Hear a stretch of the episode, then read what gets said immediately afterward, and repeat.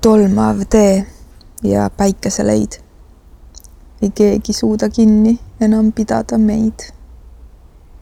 soove loen su naeruselt suult veel enne, kui need kaasa tõmbab kõrvetav tuul. Endi jaoks nüüd teeme kõik, kes meid keelata küll võiks see, mis tundmatu nii ahvatlev näib.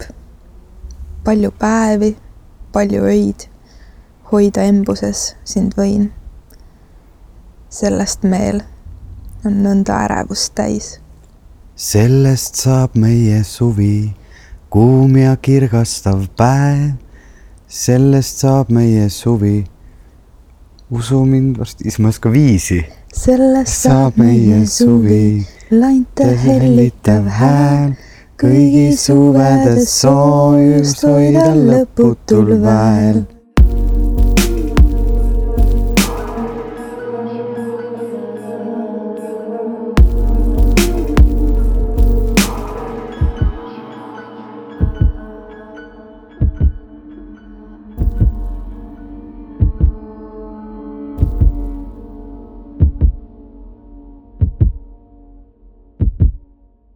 täna hommikul sai uitmõttena Kalamajas poes käidud ja siis seal üks naine naeratas mulle. ja siis tegi seda uuesti ja jälle uuesti. kuna olen juba loomult selline tagasihoidlik mees, siis mõistetavalt eel eemaldusin sinust ja hiilisin poest minema. kodus olles hakkas aga painama. mulle pole ju ükski naine kunagi niimoodi naeratanud ja üleüldse ainus kord kui keegi mulle sedasi naeratas, oli tegemist Kustiga Nightmanist ning aasta oli ka siis üheksakümmend kaheksa. nüüd ma mõtlengi, et milles asi. kas ehk oli tegemist minu poekorvi sisuga, mis oli puhas juust või oli siin taga midagi enamat? kui tegemist oli esimesega, siis ära palun mulle kirjuta. aga kui teisega, siis kirjuta, sest sellest võib saada meie suvi. Ja niimoodi on täiesti avalikult otse ja omadega kirjutanud keegi härra Rain Mark Kalamaja gruppi Facebookis, mis jooksis minu äh, seinale. Ja ma lugesin seda kirja ja, ja ma mõtlesin, et täitsa lõpp, kui äge sellest, äh, sellest suvest, mis ees on, võib saada meie kõigi suvi. ja, ja tema tundis, et, äh, et sellest võib saada tema ja kellegi teise suvi, kellegi teise suvi, keda ta ei tunnegi, aga keda ta nägi endale naeratamas, kui ta käis juustu ostmas nii et see lihtsalt äh, oli mingi hetk mõned päevad tagasi, mis äh, mis tekitas minus tunde, et äh, päriselt ka kõik on võimalik. tere, head kuulajad, me oleme kesköösel Tallinnas õues. siin äh, ilma järgi küll öelda ei saaks, et oleks kesköö, sest et äh, õues on tõepoolest meeletult soe. Pole jopetki seljas ja, ja me salvestame seda saadet siin põhimõtteliselt pööripäeval, eks ole no ma just mõtlesin, et seda võiks kutsuda siis pööripäeva eelne öö. pööri eelöö oleks eesti keeles ilus. ja kui sul vähegi võimalik on seda saadet kuulata ise ka kuskil suveöös või õhtusel ajal ja kui sa õues ei ole, siis tee aken lahti ja lase kas maamüra või merekohin või linnamüra omal tuppa sisse ja siis kuula meid. aga tead, mina sattusin sedasama mm, kirja lugema, sest et mul on tunne, et pooled äh, tallinlased on seda lugenud no,. sest et see oli tõepoolest avalikult Facebooki üles pandud. kusjuures kummaline on see, et ma jõudsin selle täiesti ära unustada. Äh, selle sisu, äh, see emotsioon jäi mulle meelde, aga kui sa mhm. seda praegu lugesid, siis mul jäi selline tunne, nagu keegi oleks sulle saatnud selle kirja, nagu ma oleks täiesti võõrast teksti kuulnud. Ainult lõpp tuli kuidagi tuttav ette ma mõtlesin, et sa kuuled kuidagi nii värske kõrvaga mm. -hmm. ja, aga ma tõesti olen seda lugenud ja ma mõtlesin ka samal hetkel, et kui äh, äge, et äh, ja see sai vist hästi palju positiivseid kommentaare ka seal, inimesed äh, kiitsid takka teda ja seda ju tihti enam selliseid kuulutusi sa kuskilt ei leia. ja, ja täna sellises suveöises saates kuidagi selle saate tegemise peale mõteldes rändasin tagasi oma teismelise ikka, mille ma veetsin enamasti Kundas, Lääne-Virumaal ja kuulutuste postid, väik-, väikelinna kuulutuste postid on ikkagi mingid sellised tegelased, mille ümber on nii mõndagi toimunud.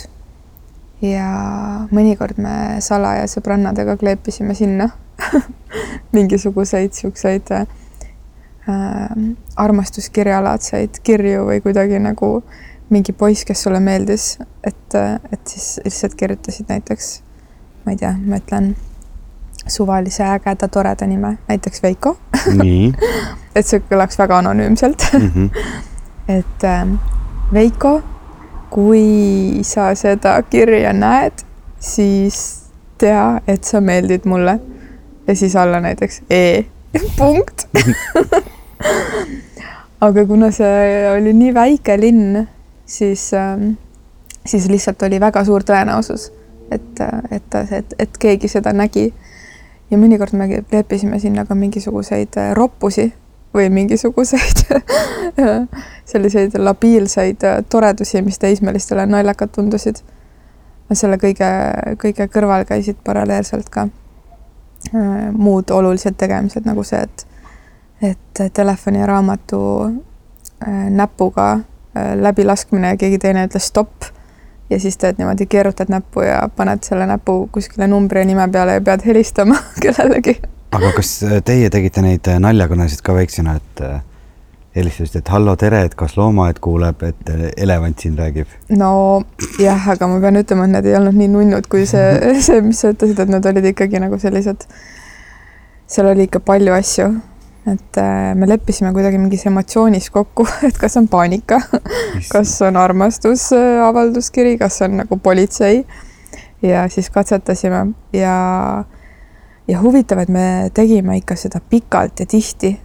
ja see lõppes minul sellega, et kuna mina olin, mina tegin neid kõnesid oma nana ja taadu juurest mm, -hmm. vanaema ja vanaisa juurest, et siis telefoniarve tuli väga palju suurem ja kelle otsa vaadati, siis olin mina, nii et äh, siis need äh, lõppesid aga mul just tuli meelde, et ka, ma mõned äh, nädalad tagasi nägin Facebookis jälle keegi jagas äh, ajalehekuulutust. et oli ka kirjutatud siis äh, suhte otsimise kuulutus, see on siis. kas mingisse suhtegruppi või? ei, ei ajalehes. aa, okei okay,, ajalehes. nagu täitsa ajalehes, vaata on need kuulutused mm -hmm. tegelikult tänapäeval veel osades kohtades on, et müüakse traktorit ja mm -hmm. siis on ka mingi viis tutvumiskuulutust ja mm -hmm. siin oli tore, et siin on selline viiekümne kaheksa aastane mees sada kaheksakümmend neli sentimeetrit pikk mm, kaheksakümmend kaks kilo, keskharidusega varatu alkoholi ja tubakavaba öökulli ja kilpkonna tüüpi töötu mees tuleb elukaaslaseks kunsti või looduse usku saledamale naisele. Kui see, see võin olla mina vabalt kus sa nüüd lähed? ma tahtsin tule ära kustutada ma proovin, kas ma ulatan mikrofoni juhtmega. Elina tõusis püsti ja äh, kuulsite klõpsu yes.. lasi toast tule ära, me oleme siin õues. mulle tundus, et vaadata seda öö, ööhelendust ilma, ilma toast kumava tuleta on veel romantilisem. aga mis äh, mälestused või, või, või... tere, koer olukorrad sul üldse selle perioodiga nagu tekivad, ma mõtlen, et kui sa, kui sa mõtled selle üle, et me oleme tegelikult, peaaegu on täna siis aasta kõige valgeim öö. peaaegu jaanipäev. peaaegu jaanipäev. sa tead seda öö, äh, ütlust, et vaata muidu öeldakse, et äh, mingid, sa pead korjama mingit seitse erinevat mm -hmm. taime ja paned sinna padja alla mm -hmm. ja siis näed unes oma armsamat või? Äh, jaa, aga Keiti Vilms oli teinud sellest mõnusa Äh, mis selle nimi on, mida ta teeb? et sõnamängud. see ei olnud Keiti Vilms kindlasti, see oli keegi teine ja. mina olen seda juba aastaid tagasi oma sõprade käest kuulnud, kui sa mõtled seda, et kui sa magad magamis. jaaniööl üheksa mehega, siis sa näed öösel unes oma lemmiklille. jaa, see on nii tore. aga see oli jah, et kui sa, kui sa korjad, kui sa paned padja alla oma üheksa lemm- või noh, nagu üheksa äh, suvist lille, lemmiklille, siis sa näed unes oma armsamat. kas sa oled proovinud seda? ja ma olen seda proovinud, aga ma olen äh, olnud äh, folkloori-rühmas lapsena. ja ma tean väga palju Eesti folkloorist ja pärimusest ja mängudest ja, ja muistenditest ja taimedest, et ma olen tõesti igasuguseid asju proovinud ja katsetanud. Ja, ja on ka igasugused need jaaniöö teeristumised mm. -hmm. et äh, ma olen, ma olen kõiki neid asju katsetanud ja teinud aga see tundub tegelikult loogiline ka selles mõttes, et äh, kui sa ju äh, korjad seda seitset lille, siis sa tegelikult juba mõtled selle inimese peale. see on juba manifesteerimine. ja, ja, ja paned need padja alla ja öösel unes siis tegelikult see lihtsalt aitab sul alateadvusest sellel Jüril välja tulla. kui ta oli Jüri või oli ta Mari või midagi sellist. aga mm, kui ma mõtlen selle Jaani aja peale mm, -hmm. siis minu jaoks huvitaval kombel on on see aastaid, nüüd aastaid tähendanud kuidagi seda, ma olen vabakutseline, on ju, või noh, oma, oma, I'm a business woman, et, et, et ma sätin ise oma aega ja jaanipäev kuidagi millegipärast on tähistanud minu jaoks mu peas suve keskpaika. ja ma olen alati natukene nagu kurb olnud, et nüüd on pool suve läbi, kui on jaanipäev käes ja enamikele inimestele tähistab see suve algust. ja kui ma mõtlen tagasi selle teismelise aja peale, siis äh, jaanipäev tõesti tähistas suve algust ja teismelisena oli ju väga oluline saada kodust välja nii, et sa ei pea minema kindlaks kellaajaks tagasi, nii et mul oli aastas äh, kaks äh, päeva, kus ma võisin olla siis nii kaua õues, kui ma tahtsin. üks nendest oli jaanipäev ja teine oli aastavahetus. nii et jaanipäev minu jaoks tähendas seda, et vabadus mis sa, kas sa ehma, ehmusid? ei ehmunud, mul kukkus veepudeli kork maha, aga las ta olla seal, ma ei hakka üles võtma. ja mm, kuigi suve keskpaika või? Praegu alles vesi läheb soojaks ju, suvi ei saa su,, suvi ei saa kuidagi keskpaigas olla aga..., kui vesi läheb soojaks, valguse mõttes on küll ja. kuidagi nagu, ma ei tea, niisugune kui sa oled vabakutseline, siis need esimesed soojad päevad, mis mais hakkavad, tähistavad juba kuidagi suve algust. ja, ja ma olen nii mõnegi inimesega rääkinud, kes ütlevad, et neil on sama tunne olnud, et kui jaanipäev on käes, siis on pool suve läbi. aga nüüd, see aasta, ma ei tea, kus see selline pööre mul on tulnud, mul on uuesti tunne, et suvi algab jaanipäevaga, nii et ma olen back on track. ja minu jaoks on ikkagi olnud äh, kuskil suve keskpaik, ma arvan, kuskil juuli teises pooles, siis kui on juba piisavalt soe, et isegi minusugune veekartlik, külmakartlik inimene saab minna ujuda, eks ole. sest et äh, nüüd just äh, mõned päevad tagasi sattusime esimest korda järve äärde ja no mina ujuma ei läinud, sest minu jaoks äh, kakskümmend kraadi oli ikka natsa liiga jahe. või tegelikult võib-olla selle üheksateist, ma ei tea, ma ei oska seda öelda. aga ja see mm, jaanipäeva aeg on ikkagi minu üks lemmikaegu, sellepärast et äh, just selle valguse mõttes, et see põhimõtteliselt ei kaogi ära.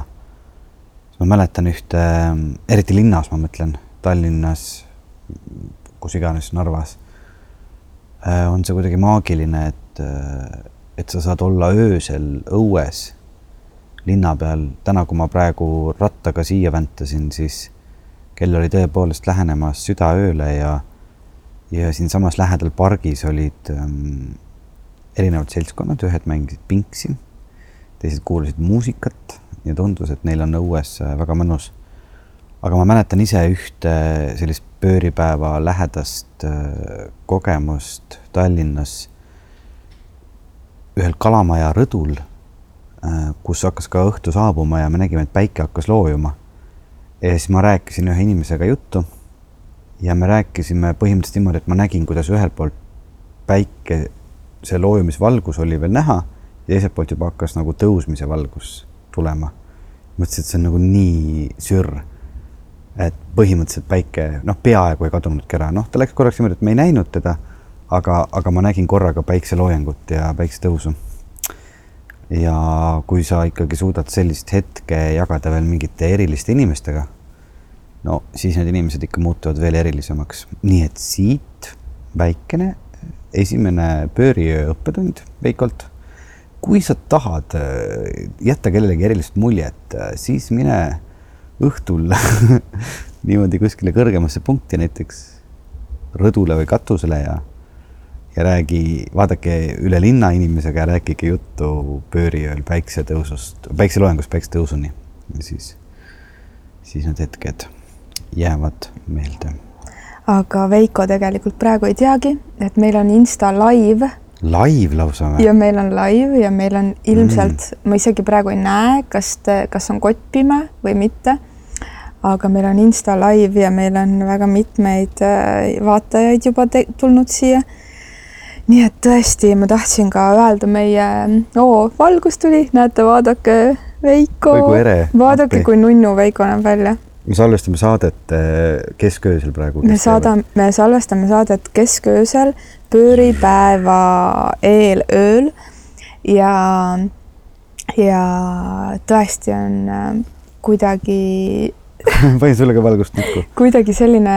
Need, kes kuulavad meil podcast'i, siis te saate aru, et me teeme laivi, eks ole selline tunne, et, et need öised jutuajamised, mis, mis saavad Eestis juhtuda soojal ajal ainult praegu, et seda tuleb jäädvustada ja ma arvan, et see Insta live on selline mõnus meeldetuletus.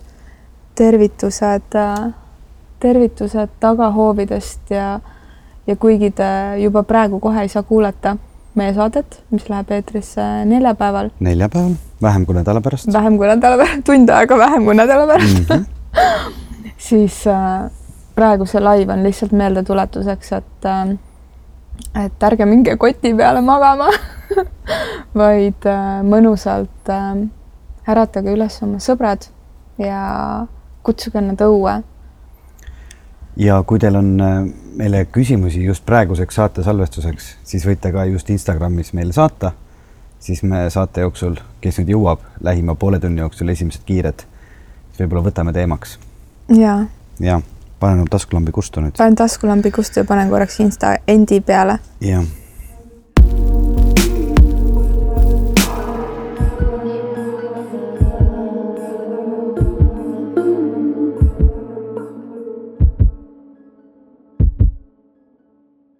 näed, kakskümmend kuus vaatajat südaöösel. no näed, inimesed on üleval, keegi ei maga ju niisugusel äh, suvisel ajal. seda enam, et homme on ju noh, kes veel käib palgatööl, siis homme on peaaegu, et ei ole juba enam tööpäev. et äh, saab ju hakata vaikselt juba ostma šašlõkki ja seda odavat viina. tead, mis mul veel tuli meelde, et, et äh, ma kuulan raadiot ainult äh, autosõidu ajal mm. -hmm. ja kuna jaanidel ikkagi enamjaolt ja tavaliselt ja mina vist alati sõidan linnast välja, siis, siis raadios tulevad alati jaanimängud erinevatest kanalitest, mis. Pole üldse kursis, aga väga põnev. mis on alati seotud sellega, et loositakse välja mingit hästi palju mingit nänni ja grilli ja jooki ja värki ja tihtipeale Raadio kahes seotud kuidagi mingisuguste kohtadega, et peab midagi leidma või midagi, midagi otsima. nii et ma homme hakkan sõitma Hiiumaa poole, et jaanipäeva Hiiumaal tähistada. ma olen juba väga põnevil, et mis jaanimänguga ma kokku, kokku satun. sa ei tea, sa võid jõuda Hiiumaale niimoodi, et sul on kaasas rest Coca-Colat ja uhiuus balloon gaasigrill. ja muideks Hiiumaaga seoses ma mõtlesin teha lihtsalt lausreklaami, et kui keegi on üheksateist juuli mm -hmm. Hiiumaal, siis see on ainukene kontsert, mida Veiko teeb sellel suvel.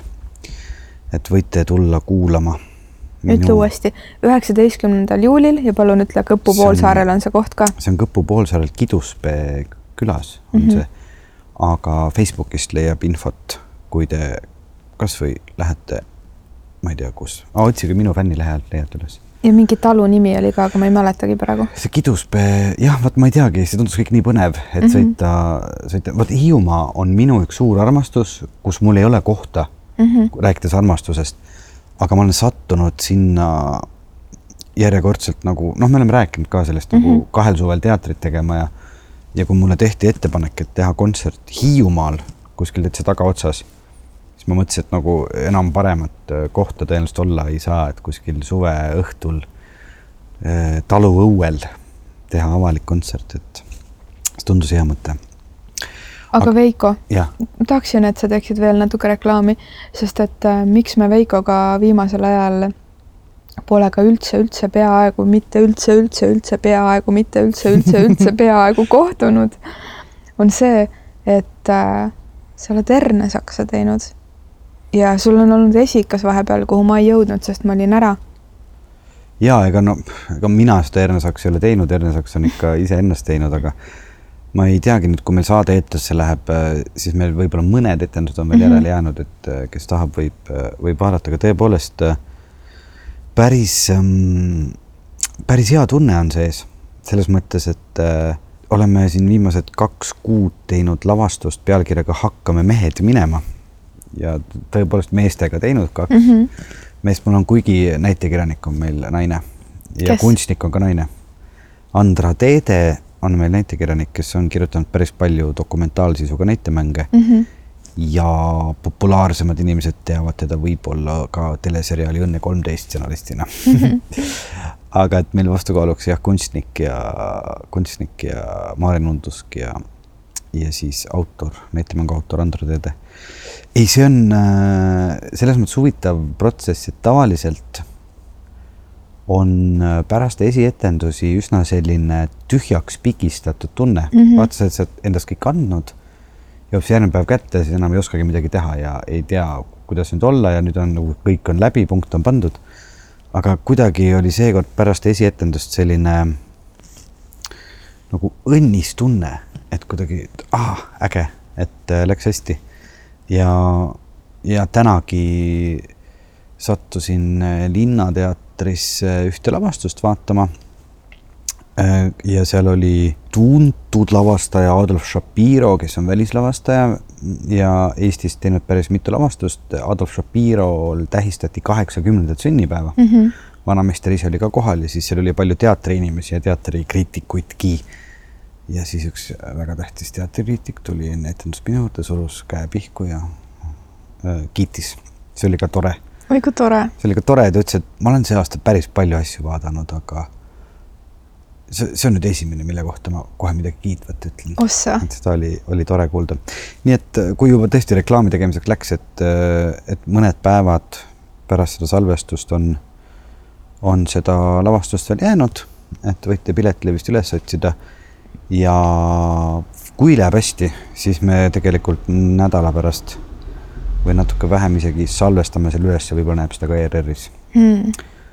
mina igatahes plaanin koha peale jõuda, nii et äh, ja ma tahtsingi tegelikult sellest avalikult äh, rääkida või et sa mainiksid seda, sest et äh, minu jaoks on see väga suur asi ja mul on väga hea meel, et, et sa sellise töö Äh, ja väljakutse vastu võtsid?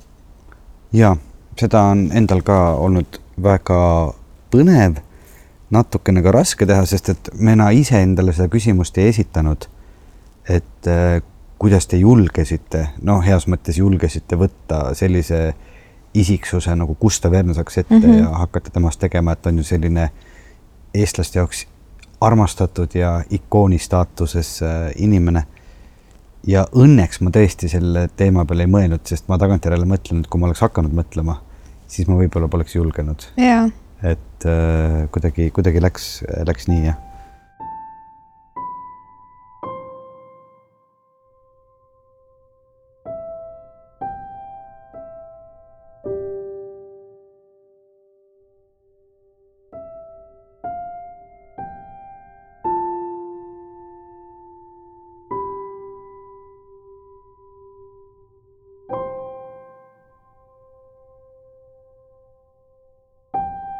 ma rattaga sõitsin äh, siia kesköise kohtumise poole, ja mõtlesin selle peale, et on äh, pööriöö kohe ukse ees, siis mul tuli meelde, et mul on üks pööriöö luuletus ja millal parem oleks seda ette lugeda, kui mitte läheneval pööriööl. issand. ja ma jõudsin kokkulepitud ajast äh, seitse minutit varem, siis ma käisin siin kõrval pargis, istusin maha, kuulasin muideks klapist, kõrvaklappidest äh, Coldplay plaati Parachutes, hästi vana mm -hmm. plaat. kuidagi tundus, et sobib siia öösse, nii et võite ka pärast saadet kuulata. ja võtsin siis klapid peast, sulandusin pargiga ja lugesin selle luuletuse läbi ja mõtlesin, et miks mitte, et see annab kuidagi sellist öist atmosfääri edasi küll ta ei ole väga pikk, aga ta on natuke pikk. ootan. kolm osa. ootan väga. aasta valgeima öö kolm pööret, pööriöö üks, kaks ja kolm. linnas hakkas kohe midagi toimuma. Vau, ma just mõtlesin, et sa oleks nagu sisse juhatanud mingisuguse. kuskil üks koer kuskil haugub, aga see pole luuletus veel. nii, nüüd tuleb esimene osa, üks kõnnid kuskil linnaöös, ülelinnalise elektrikatkestuse ajal. Vanadel rööbastel kuuled kolisevad kummitustrammid, sügeleb talla all tänav, on aastavalgeim öö ja päike kukub vaid korraks. puud kahisevad möödunud päevade lugusid, sosistavad üksteisele juhtunut. istud kolisevale kummitustrammile, sõidad mööda elektrikatkestatud linna. inimesi üldse ei olegi ja puud julgevad sosistada, kuna kõik magavad. Kui oleks julgust, kirjutaks sellest romaani. linn, see muutub metsaks, must möödub bussijaam ja Tartu maantee sirgel seisan. vaatan lahkuvaid saabuvaid tramme, kukkuvat ja kohe tõusvat päikest kohe-kohe teretavad kohvikud ja puhvetid varajasi ärkajaid, hommikusi saiu kohvilõhna eelaimust. sõidad nüüd juba päris trammiga koju. Linn ärkab ning sina sead magama. agulite huulitsad täituvad ja korraga, vahetult enne päikesetõusu, on elekter linnas tagasi. teine osa hm. söön näljaga siin hämarusse uppuva pealinna puiesteel papptopsi seest friikartuleid. kohati on New Yorgilik tunne kajakad karjuvad tänavalampe põlema, need aga ei reageeri, on tummad. Kui räägiksid, siis palju. linna valgustavad trammid, nende vaikses kolinas uinuvad päevased inimesed. kohe ärkab öö ja kesklinna telliskiviseinte tagant hakkab kostma õnnejoovastust jahtivate inimeste rütmiline tümpsumine. Nad tantsivad ennast päikeseloojangust päikesetõusu siis tuleb veel hilisem öö ja ikka veel hämaras linnas valgustab ära õitsenud sirelite lehti tuhm kollane tumm tänavavalguslamp. mu huuled on friikartulitest soolakad. nüüd on mul merelinna tunne, nagu öine meretuul sealt admiraliteedi basseini poolt oleks puistanud mu huuli meresoolaga. ma tean, et see on vaid kunstlik meri mis tänu ameeriklaste kiirketile mu huuli soolab. aga endiselt on säärane New Yorgilik tunne peal. Prillid udutavad mu selget silmapiiri, kui hingan jopekaelusesse sisse. ootan endiselt seda ülelinnalist elektrikatkestust, mis laseks mul uskuda, et käes on tuhande üheksasaja kolmekümnendad. pimeduses on linn ikkagi kuidagi vanem ja hämaruses ei paista silma tänapäeva poolt tehtud iluvead. kolmas. viimaste trammidega saabuvad haigutavad Kalamaja elanikud. Suvi on tänavate sulgemise aeg. puitrajooni aknad on avatud. Nad lasevad sisse jahedama öö saabuvat õhku. autosid ei sõida, sest suvi on tänavate sulgemise aeg pikkadel sirgetel tänavatel jalutame pool tundi enne keskööd, kuid ikkagi on valge. selles ülelinnalises elektrikatkestuses. pimedale tänavale helendavad tüllkardinate tagant soojad toad ja laupäevased inimesed. linn hingab ning rahuneb.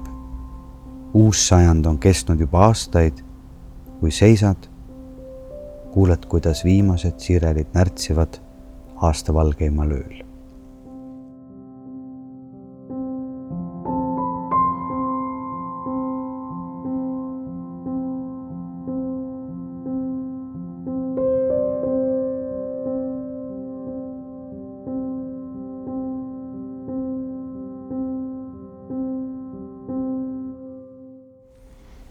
Selline luuletus tuli meelde, aga selle kohta ei olegi midagi muud öelda, kui et lihtsalt minna järgmise jututeemaga edasi.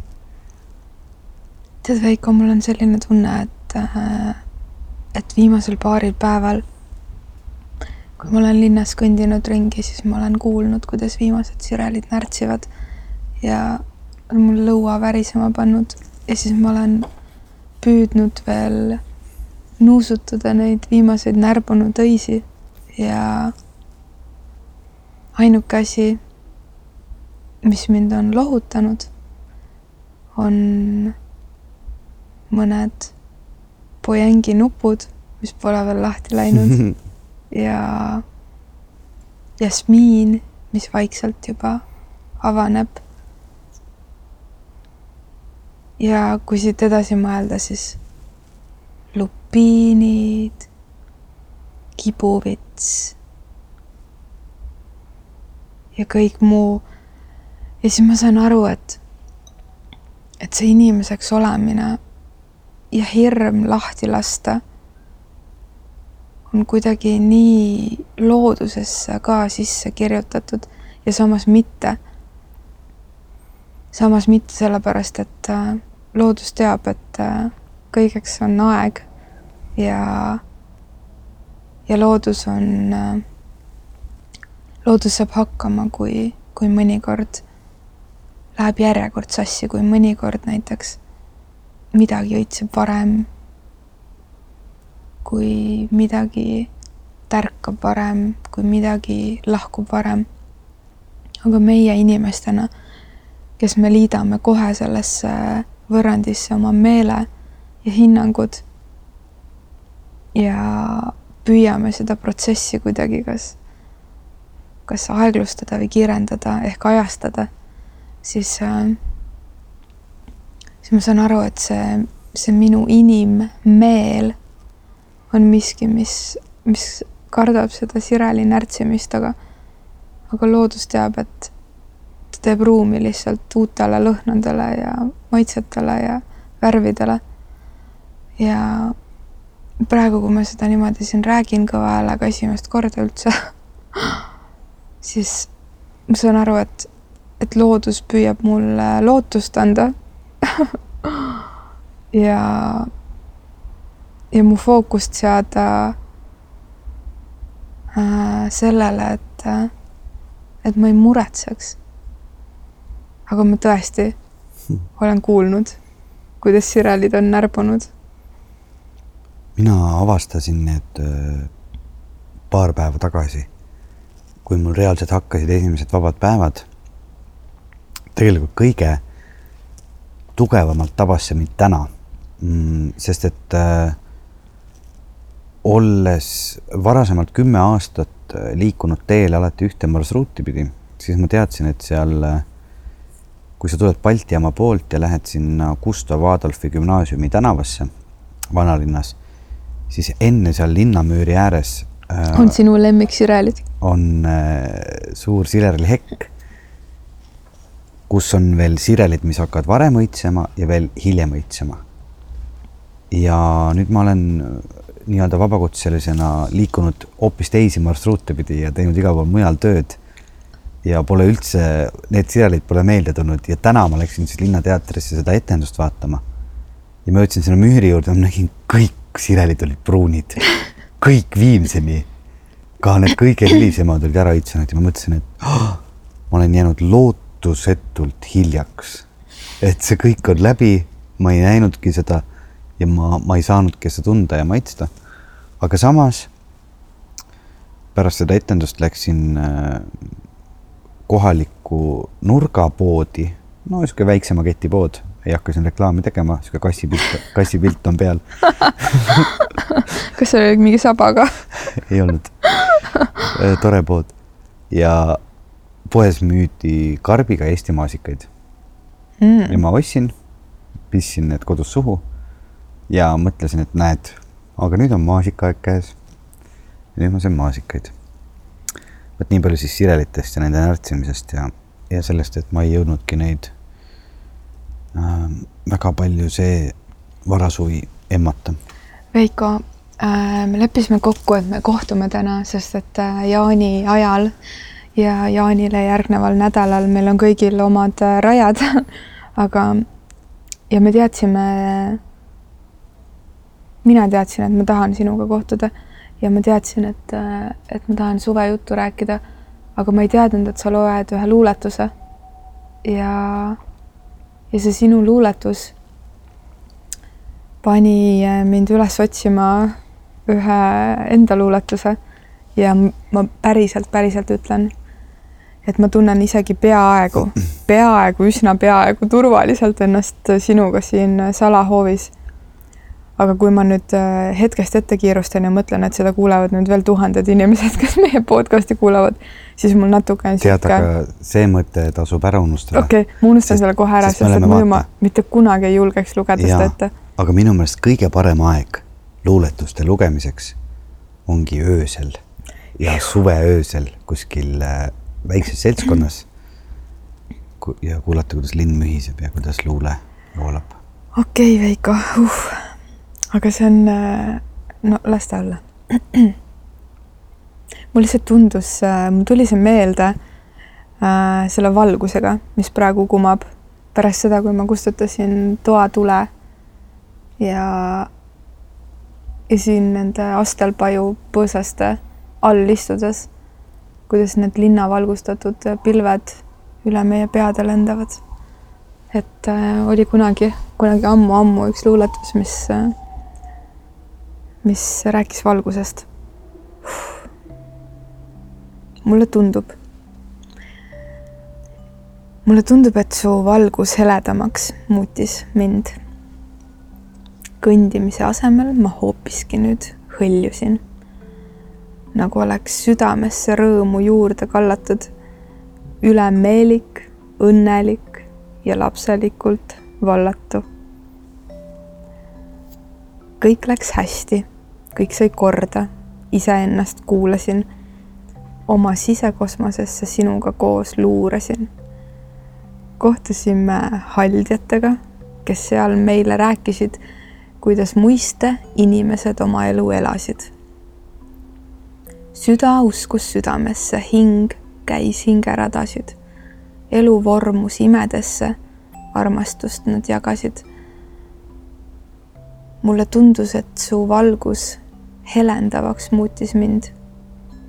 hõljumise asemel ma hoopiski nüüd lendasin. selle luuletuse peale, mis juhtus, oli see, et äh, siin on terve selle aja on siin naabermajades põlenud ainult üks aken.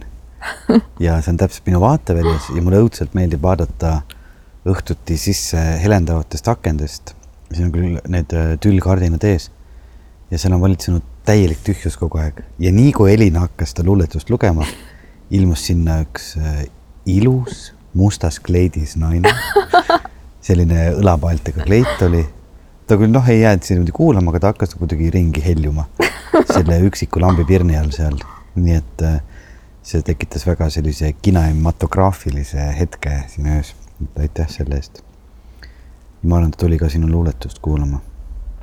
mille peale ma ka mõtlesin äh, täna. huvitav, miks me üldse kirjutame selliseid luuletusi või? ja, ja. paneme praegu... need asjad kirja ja mul on päris palju käega kirjutatud äh, nii luuletusi, lugusid äh,, hetki, mida ma olen püüdnud äh, filmistsenaariumite jaoks.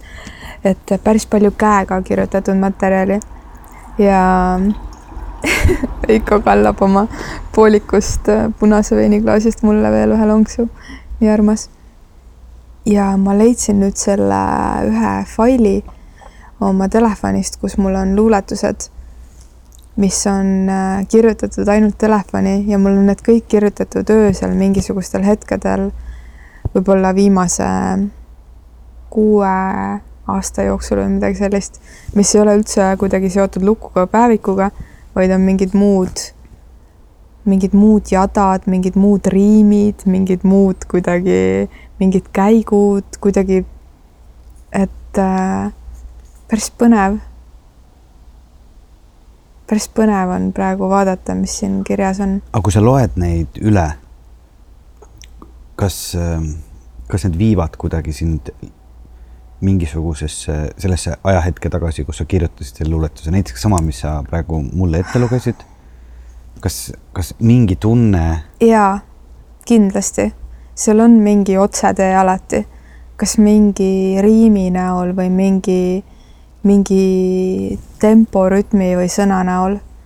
et äh, mul praegu tuli veel üks siia ette sihuke, mis on kuna meil niikuinii on täna niisugune saade, mida inimesed kuulavad öösel, võib-olla isegi poolunes, siis mina hea meelega kuulaks veel, kui sul on seal midagi.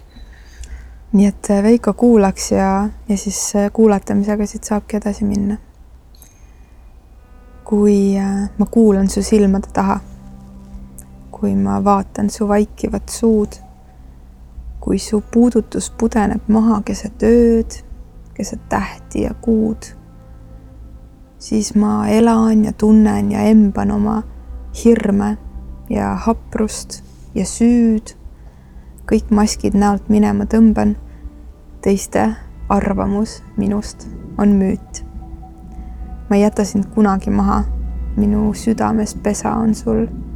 aga tea, et ma annan su vabaks, et saaks laskuda imede tulv.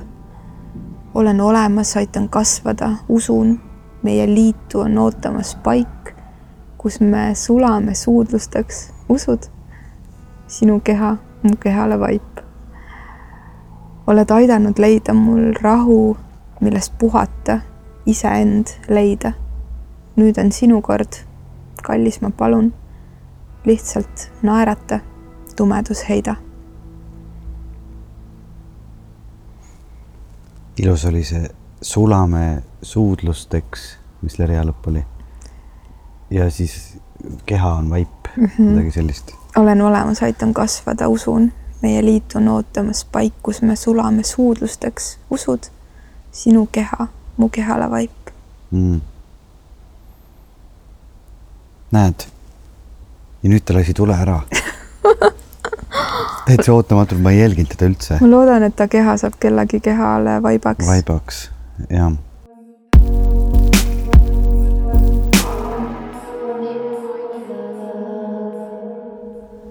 ma jäin mõtlema öö peale, üleüldse sellistes äh, valgete ööde ajal tulevad meelde mingid äh, imelikud ööd mm. -hmm. imelikud või imelised äh,? mõlemat, ma arvan, et see on olnud üks väga imelik ja imeline öö äh,. ma ei tea, see ei ole vist seotud armastusega mitte kuidagi, ma ei tea, miks ma seda praegu rääkima hakkasin, aga lihtsalt valge ööga, et kunagi ähm, vanalinna päevadel oli Tallinnas tekkisid sellised asjad nagu väravamängud. et äh, vanalinnapäevade ajal seal Jaak Johanson ja teised käisid äh, niimoodi ümber linnamüüri, päikseloojangul alustasid, päiksetõusul lõpetasid ja iga kuskil seal värava juures või mingi koha juures lauldi siis mingit regilaulu ja nii. kestis niimoodi tunde, inimesed siis käisid ümber vanalinna ja laulsid. Ja mina sattusin aastaid tagasi ühele sarnasele väravamängule, aga mis toimus kuskil looduses. nii. ma isegi ei tea, kus, ma enam ei mäleta, mingil poolsaarel, kus see toimus. ja ma olin olnud, ütleme, pool aastat äh, täielikus ähm, väga nagu siil, ei. kas sa näed, oi, aga siil. tasa, mul on siin siil ja ma näen teda, on see, seal, seal aiaposti juures. oot, oot, oot, oot, mina ei näe praegu. mina küll näen, aia juures täpselt. mul on siin kaks sõpra, üks on siil ja teine on must rästas. Täiega siil läks aianurka praegu. ja ta tavaliselt on siin tegelikult sinu nagu pepu all ah, selja okay. taga. Nonii, las ta tuleb lähemale. no ta läks teise poole praegu just, ta läks sinna nurka. okei okay,, ma arvan, et ta tuleb, sest ta on üsna seltskondlik. okei okay. nii räägi edasi. et äh, ma olin äh, olnud ennem seda umbes pool aastat nagu väga halvas kohas, mul olid ärevushäired ja paanikahood ületöötamisest. ja ma olin siis just saanud arsti juurde, käinud seal ära ja ma teadsin, et ma pidin minema sellel õhtul sinna väravamängule ja mulle esimest korda, mulle kirjutati pooleaastane ravikuur, eks ole. Ja ma esimest korda võtsin oma elus, no sellepärast ongi see ilus ja nagu naljakas korraga, et ma pidin võtma seda Xanaxit, vaata, mis on nagu rahusti Vau. mis mm -hmm. tõmbab sul kuidagi noh, tead selle ärevusfooni maha mm. -hmm. aga see on päris rets. jah. ja see oli siis see, see päev, kus ma olin sealt arsti juurest ära tulnud ja läksin õhtul kell kaheksa kuskile bussi peale võtsin esimest korda elus selle Xanaxi sisse. ja see läks tund aega mööda. Ja tead, see, no see mõjus mulle väga positiivselt. no saad aru, ma tundsin, tundsin üle poole aasta seda äkki, ma tundsin nagu mingit täielikku rahu, mis minus voolas, mingit täielikku õnne. siis järgnes terve see pikk öö seda äh, väravamängu võõraste inimestega koos kuskil mere ääres metsades ringi käies, lauldes regilaule ühest kohast teise päiksetõusuni välja. Ja mingi tohutu selline vabanemise tunne oli sees, et ma ütlengi, seal tegelikult oli nagu kaks asja koos.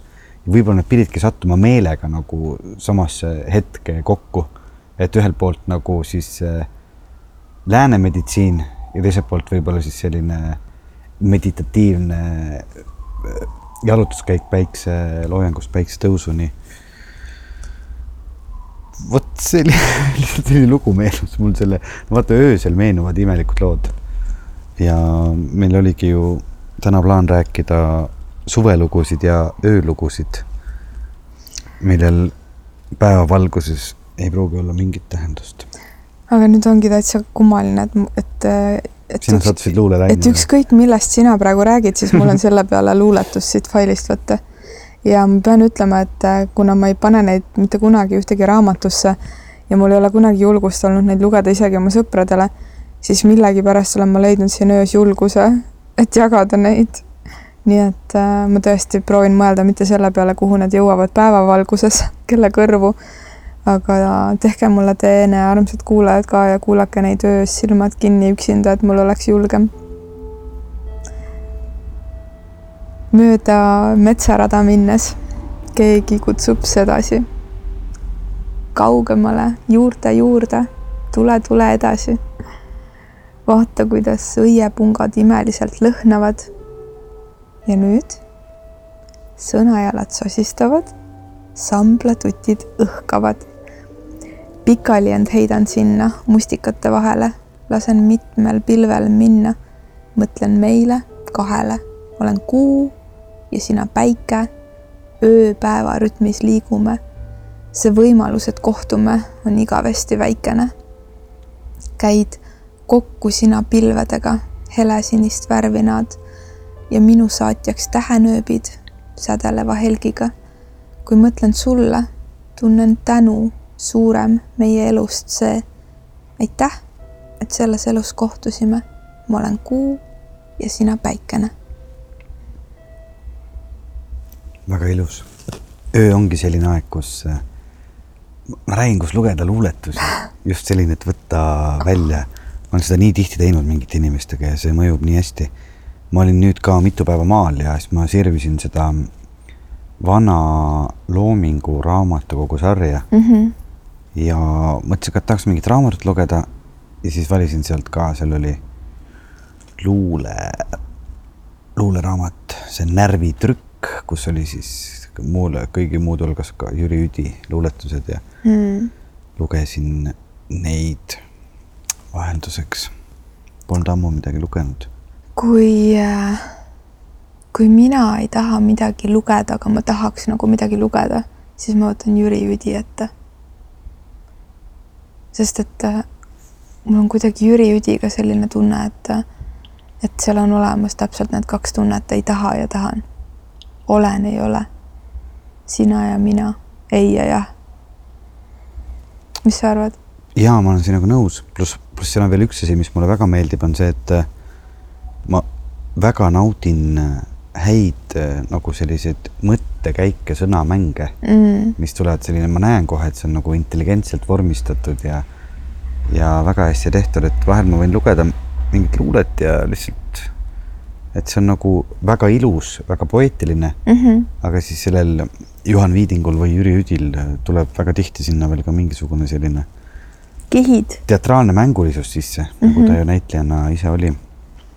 et see mõjub väga kas äh, kui sa luulet loed, kas sa, kas sa loed luulet ka, kas sa loed ennast luulega magama või kas luule hoopis teeb erksaks, ärksaks?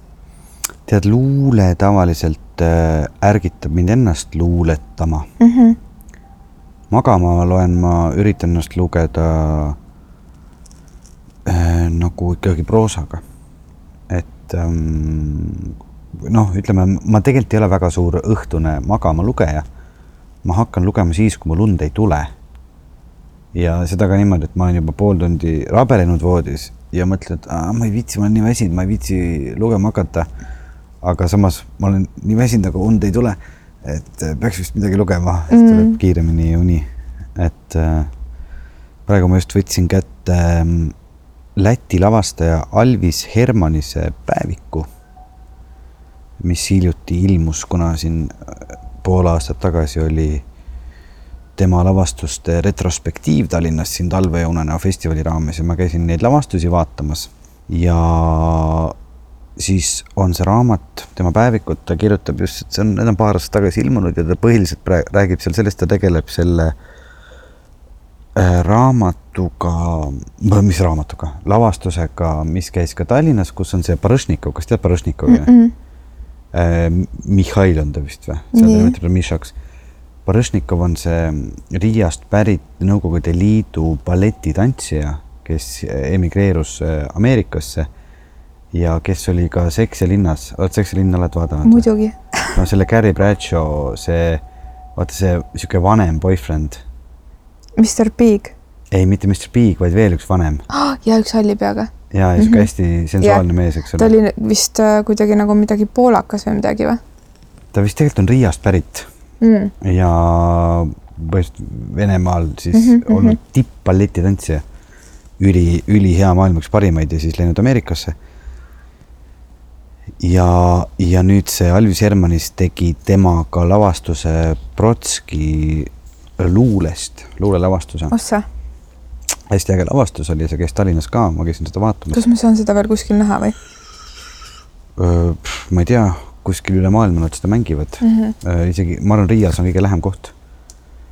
ja, ja see oli väga äge, see luule ja kõik tema ja siis ühesõnaga päevikud on sellest, kuidas ta parasjagu on tema juures kuskil ookeani kaldal, nad teevad proovi ja, ja üldse kunstist ja, ja väga-väga põnev, väga huvitav, aga miks ma sellest kõigest rääkima hakkasin, oli see, et äh, see oli, on minu elu kõige suurem nagu teenage moment Vau, mis? oli see, et äh, kaks aastat varem, kui oli Talve ja unenäo festival, siis äh, oli, oli seal, või oli see neli aastat varem, oli ühe vene lavastaja, teatrikunstniku päris mitu lavastust Tallinnas. Ja seesama Barõšnikov, see, kes Seksilinnas mängib. Mm -hmm. ja ma tahtsin mingit lavastust näha ja siis see lavastaja oli tema sõber, ütles kuule, et aga tule Tallinnasse, et meil on siin see lavastus.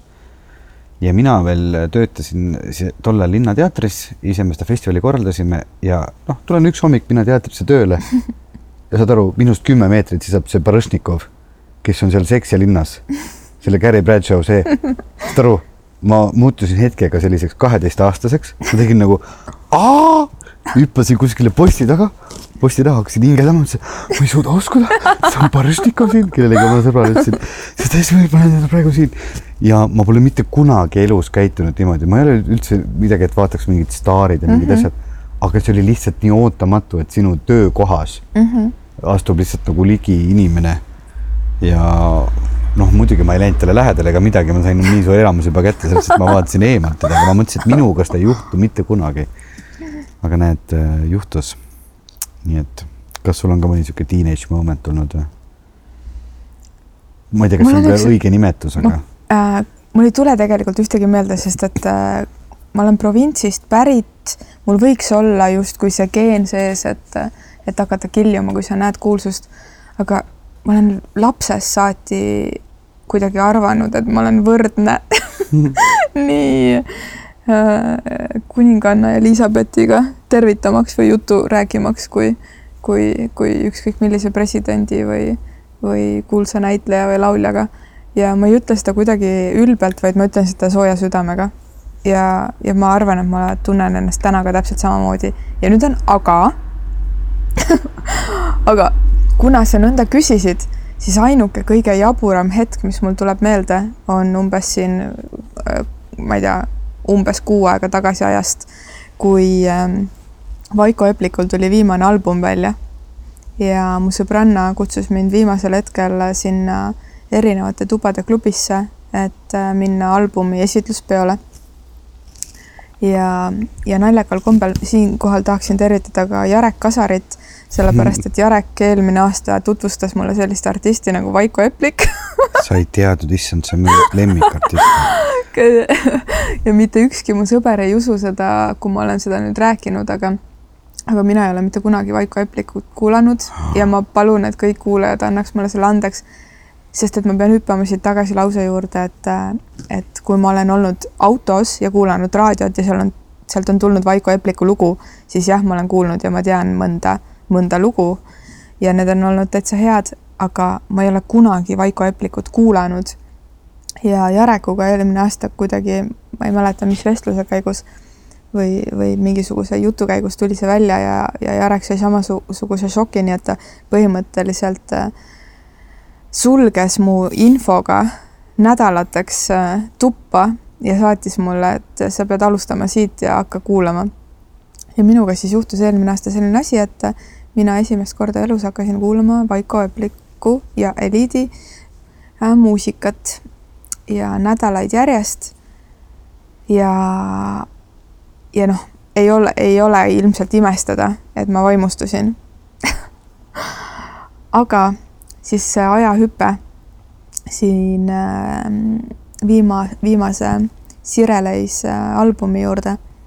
et äh, käisime albumi esitlusel ja kuna ma olen kuulanud terve talve ainult vinüüle praktiliselt, siis äh, ostsin sealt esitluselt ka vinüüli ja ja no ma ei tea, kõik seisid seal nagu järjekorras, et võtta seda autogrammi ja nii ja siis ühel hetkel see järjekord ei olnud enam nii suur ja siis ma mõtlesin, et nagu mul on juba see, see album siin käes ja, ja ta nagu seisab seal, et, et siis ma võin ju minna küsima, et siin, et siis on, saada sinna niisugune Vaiko Epliku kraaka peale.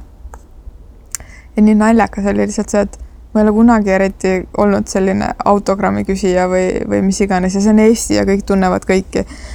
ja siis ma jõudsin sinna Vaiko juurde ja siis ta küsis, et, et nii, et mis ma kirjutan ja ma avastasin, et ma olen sellises hetkes, et ma ei teadnud nagu, mida öelda, et mida siis kirjutatakse, siis ma olin nii, et ma ei teagi, et ma pole varem nagu autogrammi küsinud, et mis sinna kirjutatakse.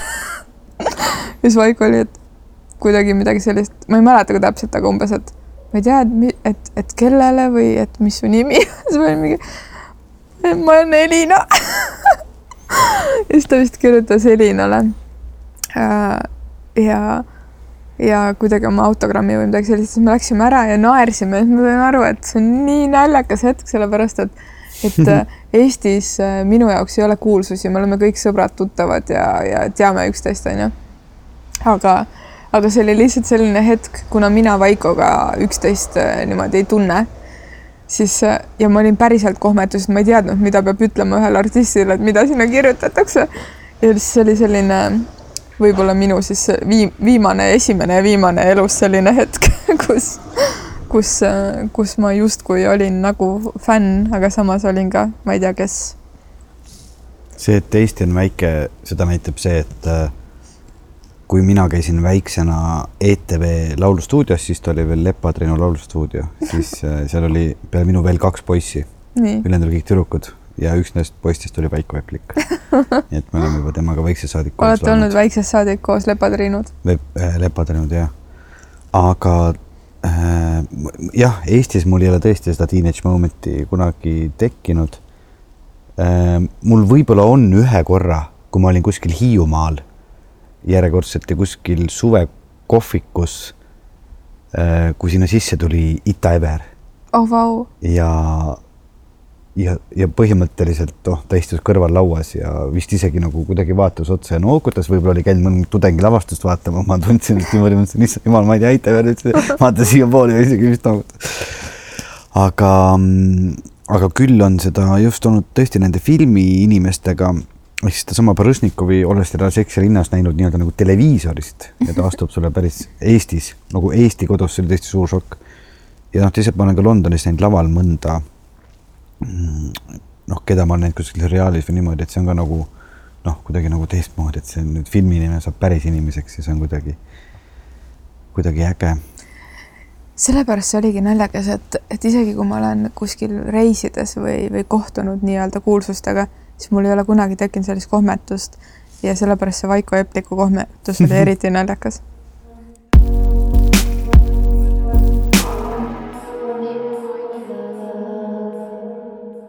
Unelaulu laulan sulle, kallis unes kõndija. silitan su siidjat põske, juuksesalku nuusutan.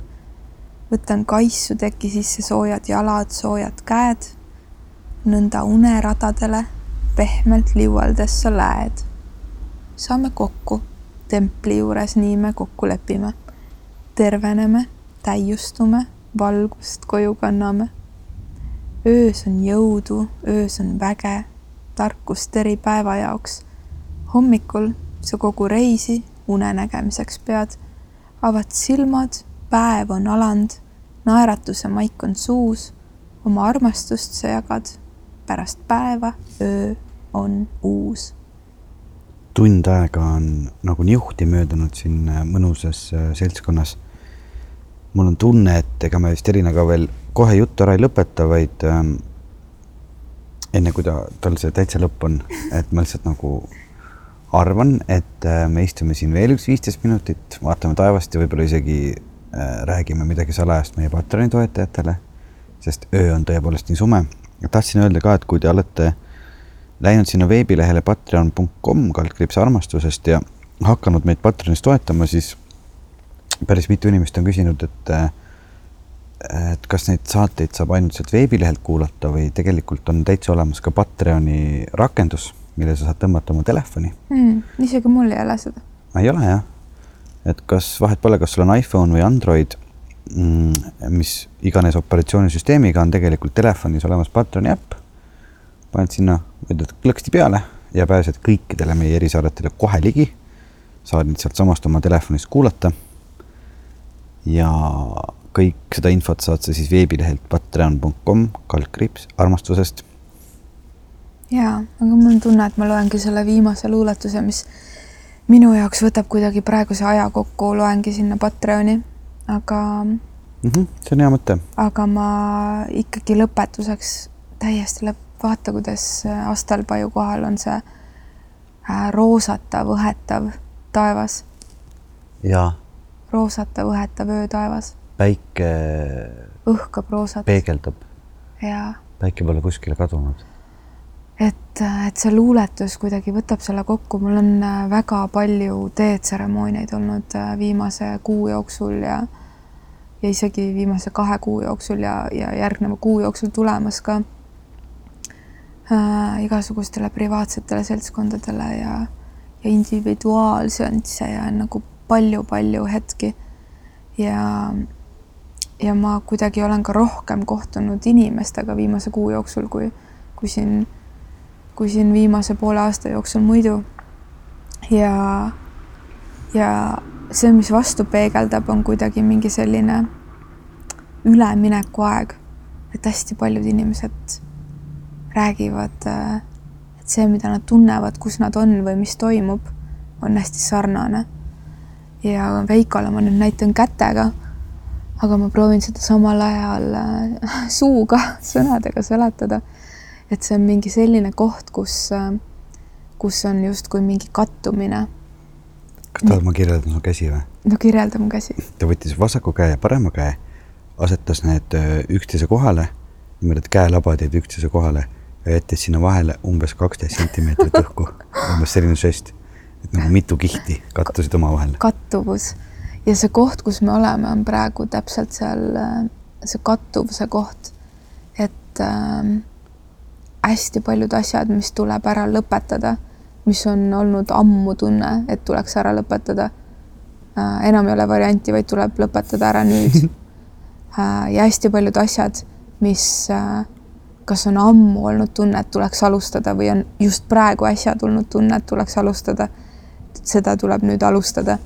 Ja me oleme nagu nende kahe äh, sellises vurris, et need lõpetamised ja need alustamised ja, ja kuulates ja vaadates ja kohates inimesi, kes kõik on selles vurris, siis, äh, siis ainuke asi, mis äh, mis kohe aitab, on sisse ja välja hingamine ja siis vaikselt, vaikselt selline usaldamine ja liikumine. Aga kuidagi see luuletus, mis, mille ma Patreoni loen, võtab selle hästi kokku. nii et äh, aitäh, Veiko, et me kohtusime siin öös ma tahaks nii väga selle, selle saate ja selle salvestusega meelde tuletada, et äh, kohtuge suvistes, öistes hetkedes helistage sõpradele, tuttavatele.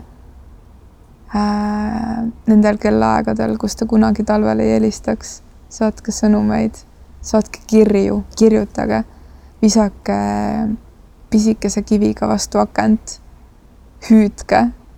Veiko ja kutsuge sõbrad ühe, et äh, et lihtsalt olla koos ja, ja kui, vaadata, mis lahti rullub.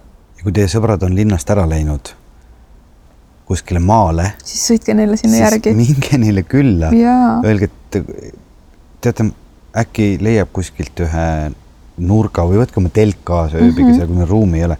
teate, nad võtavad teid jube hea meelega vastu ja nad hea meelega, isegi kui neil on lapsed, panevad lapsed magama siis toovad sahvrist välja selle vanaisa tehtud äh, õunaveini ja siis te räägite kella kolmeni öösel juttu ja mõtlete, et miks te seda tihemini ei tee. perfektsioon.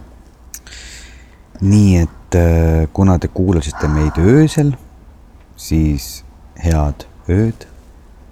head ööd, kullad. ilusat suve ja uute kohtumisteni. uute kohtumisteni